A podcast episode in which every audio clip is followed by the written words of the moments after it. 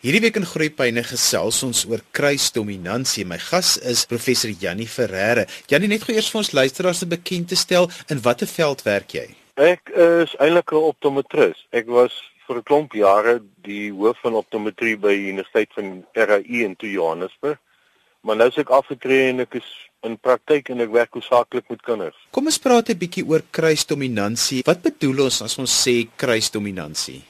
Interessant Johan, as jy 10 persone in 'n vertrek het, nê, nee, dan sal een uit die 10 persone alles links wees. Met ander woorde, 'n linker oog, 'n linkerhand, 'n linkervoet. En jy weet, dis nie my data nie, dis data wat kom van 'n 'n mega studie wat in Kanada gedoen is deur genetiese, want hulle wou bepaal is hierdie dominansie ding 'n uh, omgewingsgeïndiseerde ding of is dit geneties? So ja, 1 uit 10 mense is alles links. Maar die nege kinders kom ons praat van kinders. Die nege kinders wat regshandig is. Die verstommende daarmee is dat 3 uit daai nege kinders wat regshandig is, is linkeroog dominant. En die oomblik as jy dus 'n regterhand met 'n linkeroog het, dan verwys ons daar verwys ons daarna as kruisdominansie. Nou, wat is die nadele van kruisdominant wees want um, dit is nogal dink ek vir ons meeste luisteraars 'n onbekende konsep.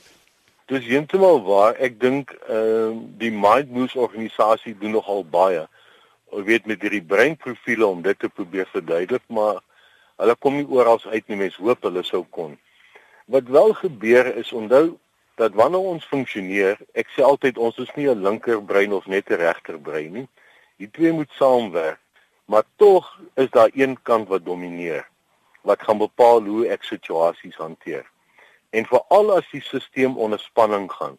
En dis wat vandag gebeur. Die massiewe druk wat ons op kinders plaas in die skoolomgewing beteken dat hulle voortdurend onder spanning funksioneer. Dan gaan die dominante sintuig oorneem. Met ander woorde, dan gaan my dominante oog oorneem, my dominante oor gaan oorneem. En afhangende nou van of dit links of regs is, jy weet gaan dit bepaal hoe ek bepaalde situasies hanteer. En as ons dus in die algemeen verwys na kruisdominansie, dan is dit eintlik maar die regterhand se kind met die linker dominante oog wat dan oorneem. Nou is die vraag natuurlik nou hoekom gaan 'n linker dominante oog 'n probleem gee? En die antwoord is doodgewoon dat as ek dus my linker oog gebruik my dominante een, hy neig om van regs na links te werk. Ons spot altyd en sê as we hierdie kinders eerder in Hebreëus of Arabies oplei, waar dan kan die oor van regs na links beweeg. En dis waar die kind dan 'n probleem kry, want dan gaan hy woorde oorslaan of hy gaan omruilings doen, jy weet soos die bus en dis of hy gaan speelbeelde van syfers en goed sit. En dan is die hartseer realiteit dat hierdie kinders baie maklik en baie vinnig disleksies geklassifiseer word. Wat hulle doodgenoeg genaamd nie is nie. Janik wil graag by jou weet die oomblik as 'n mens hoor van oog en dominansie, dan dink 'n mens dadelik brille. Uh nie noodwendig nie. Dit die vraag is hoe hanteer 'n mens so 'n situasie?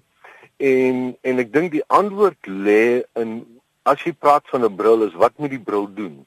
Want ek dink dit moet ouers en kinders ook baie duidelik verstaan. Jy weet ons, ons doen baie moeite om dit te verduidelik dat hierdie kinders kan goed sien. Dit het niks te maak met duidelik sien nie, want te veel dink ons nog dat dit gaan net oor duidelik sien. Wat die bril moet doen is dat hy moet die spanning uit die stelsel uitneem. Wat baie van die spanning waarvan ons praat vandag is sogenaamde nabypunt spanning wat geïndiseer word deur oormatige nabywerk. Nou weet jy hoe gaan dit in die skole met die nuwe kurrikulums en onthou dis nie net Suid-Afrika nie, hoor. Dis verstommend jy kry dieselfde goed wat mense wêreldwyd oor begin praat en bekommerd is oor. So omdat die kinders soveel naby tyd spandeer, is die visuele stelsel voortdurend onder spanning. En dis dan wanneer hy gaan terugval op in ons in ons gekruiste dominansie kinders op sy linker oog. So jy moet 'n bril kry wat sterk genoeg is om hy spanning uit te haal sodat die kind se twee oë dan saamwerk. En en dan sal verval die dominansie effek want sodra die twee oë saamwerk dan is daar nie behoefte vir die linker oog om sy eie ding te wil doen nie. Daar's 'n ander benadering ook wat die sogenaamde visuele terapie of oogoefeninge benadering is.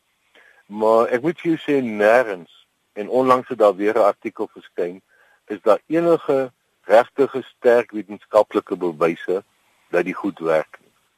Uh om kinders oogoefeninge te gee, probeer jy weer die simptome hanteer. Want onthou ek gesê die oog gaan nie maklik vloei oor die bladsy nie. En die oefeninge te gee om te laat vloei, hanteer die simptome. Mens moet gaan kyk na die oorsaak en die oorsaak is die nabypunt spanning. En as jy dit uit die pad uitvat, dan is jy op die wenpad. Hoe word 'n kind met kruisdominansie gediagnoseer?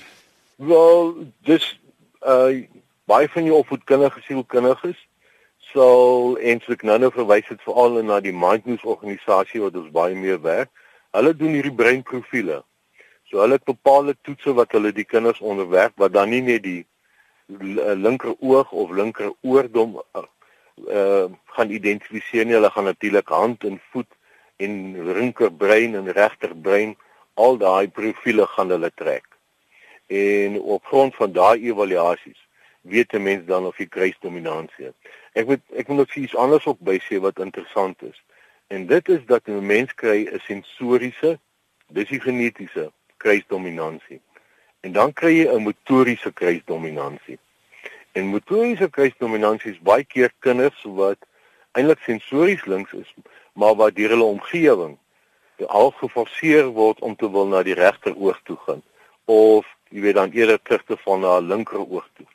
Ek ek sê altyd veral vir ons seentjies, jy weet wat met Winburg so goed is, ek vra altyd vir die pa, hoe hou die kind sy kop oor die geweer? En dan sal die pa vir my sê, maar hoe het jy geweet my kind wil sy hele kop oor die geweer druk om met sy linker oog te kyk?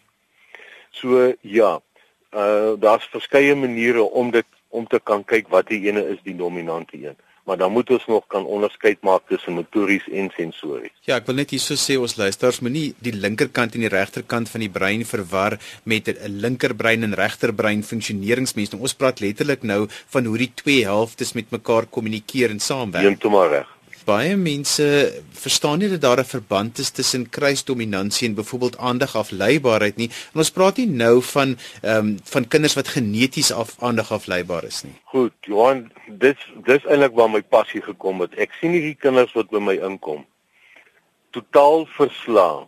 En nie net die kind nie, die ouer ook. Jy weet daar's asof asof daar 'n hopeloosheid, 'n hulpeloosheid is. Daar is nie meer 'n selfbeeld in hierdie kind oor nie. En dan kom hulle om te vra asseblief kan jy nie help nie. Ons is al wel gewees en ons loop met hierdie etiket om ons nek van aandag afleibaar. En en daar moet ek weer 100% saamstem. Ek praat nie van kinders wat regtig geneties aandag afleibaar is nie. Maar dit is 'n baie klein persentasie. As jy kyk na 'n organisasie wat ek baie op pyl trek is die Amerikaanse Center for Disease Control wat wat regtig wêreldwyd navorsing doen of veral natuurlik in Amerika oor sekere verskynsels. En hulle het verlede jaar 'n baie groot bewoorde verklaring uitgereik waar hulle gesê het is dat meeste van die aandag op leibaarheidsdiagnose is foutief. Dit is nie genetiese diagnose nie en ons weet dat dit baie van die diagnoses word nie deur spesialiste gemaak nie. So ek praat van die kind wat gaan verskyn met aandag of leibaarheid simptome. Maar wat weel is waar nie aandag of leibaar is nie, en so ek sê dis by verre die meerderheid. Nou as jy vra hoekom dit dan by gekruiste dominansie daarmee uit? Onthou sodra die kind se stelsel onder spanning is en en nou moet mense ook 'n onderskeid maak tussen seuns en dogters. Seentjies as hulle onder hierdie spanningssituasie is, is se eerste poging gaan wees om die taak te vermy. En ek sê altyd nou as die kind se stelsel vir hom sê dis ongemaklik, ek kan nie die taak doen nie, wat het hy anders om te sit en rondkyk of die ouetjie langs hom te pla. Die ander kant van die muntstuk is die ou wat probeer vasbyt en en meer so is dit dogtertjies wat regtig hard probeer, maar omdat die stelsel nie behoorlik wil funksioneer en die begin hulle angstig word. En en Johan, dis die ding wat vir my amper meer skokkend is Ek het onlangs opname laat maak onder opvoedkundige sielkundiges in die hele klomp van hulle terugvoer gekry en meer so in stedelike gebiede. Maar 1 uit 10 dogtertjies onder die ouderdom van 13 vandag is op antidepressante. Nou my hele logika wil net vir my sê ouens maar dit kan mos nie so werk nie. Ons is besig om kinders onnodig te etiketeer en ons besef nie wat die impak van hierdie etikette is op die kind en ook op sy hele omgewing en sy hele gesin uh om hom. Jy weet onlangs was daar professor uh, Kagan, hy's by Harvard. Nou dis regtig 'n vooraanstaande ou. Hierdie ou word selfs gehoor gereken as in in die sielkundige sal weet van Jung en van Pavlov. Hy word selfs hoër geplaas onder onder die beste sielkundiges ooit. En hierdie ou het baie reguit gesê: "Mense, julle kan dit nie doen nie, want wat jy daarmee eintlik vir die kind sê is iets en vir die ouer, hier's iets fundamenteels met jou verkeerd." En dan wonder ons hoekom die kinders dan begin vreemd reageer, want jy sê eintlik vir hom jy kan nie. En en so ek wil 'n baie ernstige beroep doen dat skole en wie ook al moet ophou om die kinders te etiketeer. Ek wil amper self so ver gaan sê wie wil al dink hierdie kind is regtig 'n genetiese ADHD. Moenie 'n etiket om sy nek hang nie. Uh dis hartseer om te sien hoe kinders se lewens verwoes word net omdat hy met hierdie etiket rondloop en vir homself net glo maar ek kan dit doen nie. Uh en dan is dit baie keer iets totaal anders wat met relatiewe eenvoudige intervensie 'n bietjie makliker gemaak kan word. Jy luister na Groepyne hier op RSG 100 tot 104 FM en wêreldwyd op die internet by rsg.co.za. Jy kan ook na ons luister op die DStv audiokanaal 813. My gas vandag is professor Jannie Ferreira en ons gesels 'n bietjie oor kruisdominansie. Jannie, daardie etiket wat om 'n kind se nek gehang word wanneer hy basies nie impulsbeheer het nie as gevolg van ander probleme wat nie noodwendig is omdat hy 'n genetiese lyn het nie. Hoe kan ons dit hanteer? Hoe moet ouers dit uitvind want jy kry hierdie ouers wat regtig nou al alles probeer het. En jy het gesê hulle kom by jou spreekkamer in ja. en en waarmee ja. stap hulle dan daar by jou uit? Ja, ek onmiddellik sê, ehm um, dis presies waar die ding vir my gekom het dat ek net gesien het wat daar's toenemend meer kinders wat sukkel met leer en leesprobleme. En dan is daar van die ouers of selfs terapeute wat optel en sê maar wag 'n bietjie dit lyk of die oë nie glad beweeg nie. En dis is die kinders dan by my opgedaag het. Maar meer ek daarmee gewerk het, het ek besef maar wat visie aanbetref is die mees een van die kritiese goed in lees en leer vandag. Ons lewe in 'n totaal visuele wêreld. Ek moet dus dalk ek wil nie amper by tegnologie begin nie want ons nou tegnologie praat gaan ons oor niks anders praat nie maar die feit dat die kinders ook soveel tyd op tegnologie spandeer. Ek bedoel jy kan vandag baba wiegies koop, dan is die houer vir die iPad alreeds op daai baba wiegie. En ons doen ons kinders so ontsettende onguns aan. So ja, ek uit my wêreld uit ek agtergekom dat visie is inderdaad een van die grootste en hoor die woord wat ek gebruik, frustrasie. Ek praat nie van 'n afwyking of 'n disorder nie. Ek praat van 'n frustrasie. Wat want wat ons in die kinders se gedrag sien wat dan reflekteer as sogenaamde aandagafleibaarheid simptome is maniere wat die kinders uiting gee aan hulle frustrasies omdat hulle nie kan byhou by dit wat ons van hulle verwag in die skoolsituasie nie. So ja, my fokus is op visie, maar as dit net visie, verseker is dit nie net visie nie.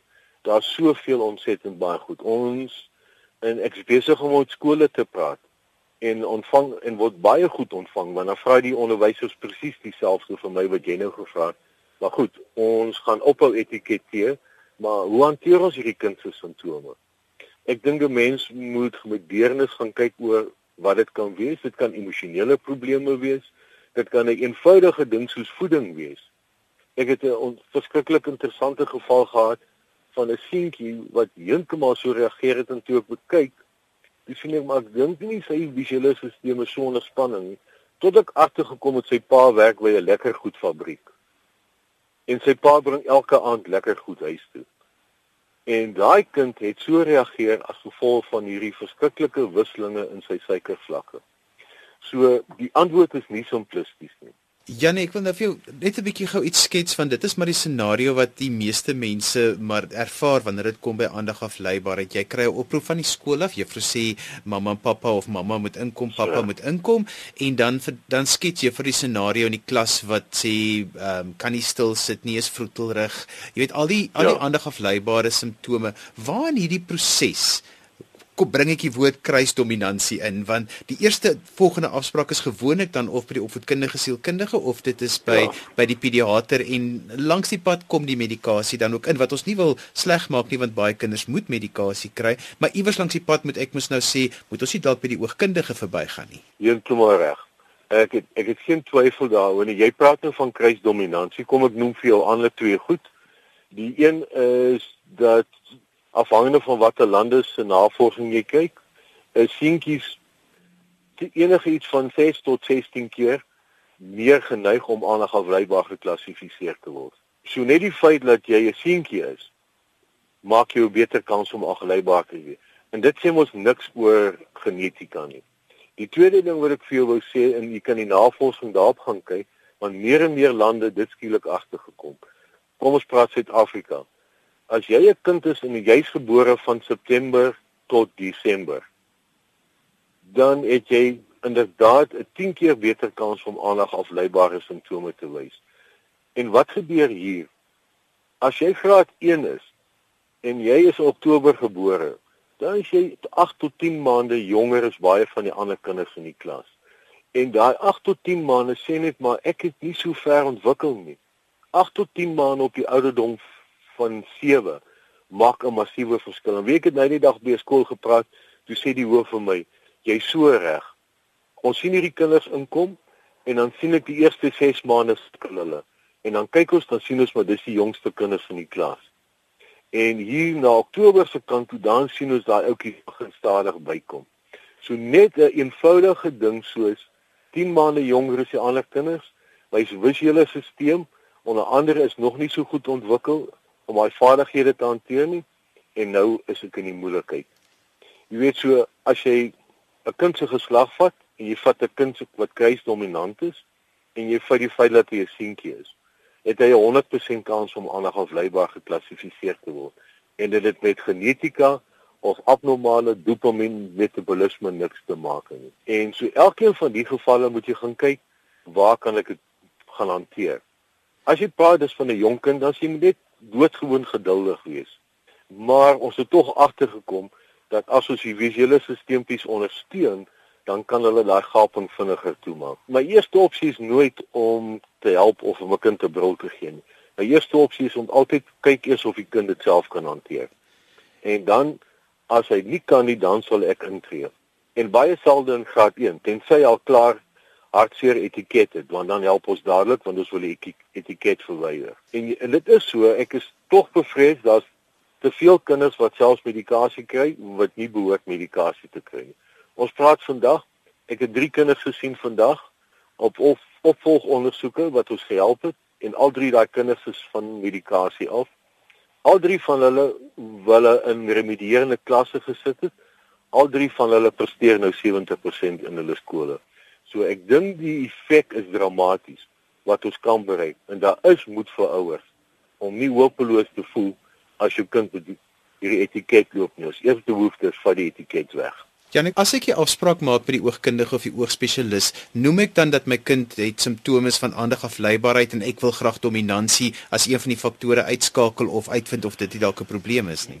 Jy sou dit regtig kan doen Ek is net bekommerd ek werk nog aan my ou studente en kollegas om juis ook hulle meer attent te maak want dit selfs binne ons omgewing nie uh, iets wat so bekend is nie. Ehm um, so ek is besig met lesingprogramme om om selfs meer oogkundiges daaroor op te lei ook. Ehm uh, sodat selfs hulle meer bewus word daarvan. Want selfs binne ons omgewing is ons ook maar vinnig om veral disleksie op te tel in steede van om te gaan kyk na wat regtig die oorsaak is.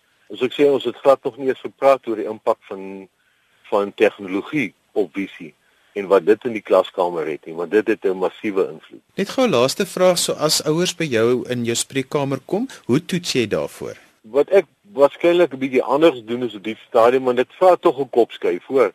Uh weg van om te kyk kan nie kan duidelik sien. My toetse wat ek in die spreekkamer doen is baie daarop gefokus om te kyk hoe die kind visuele take op naby hanteer. Met ander woorde, is die oog gemaklik by mekaar? Kan die oog gemaklik fokus? Kan hy die fokus gemaklik wissel van ver na naby en terug?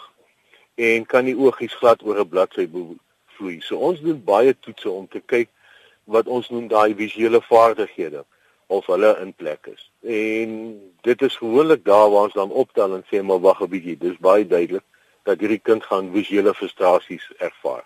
Janie, as ouers met jou wil kontak maak of 'n skole hierdie gesprek wil verder voer, hoe kan hulle dit doen?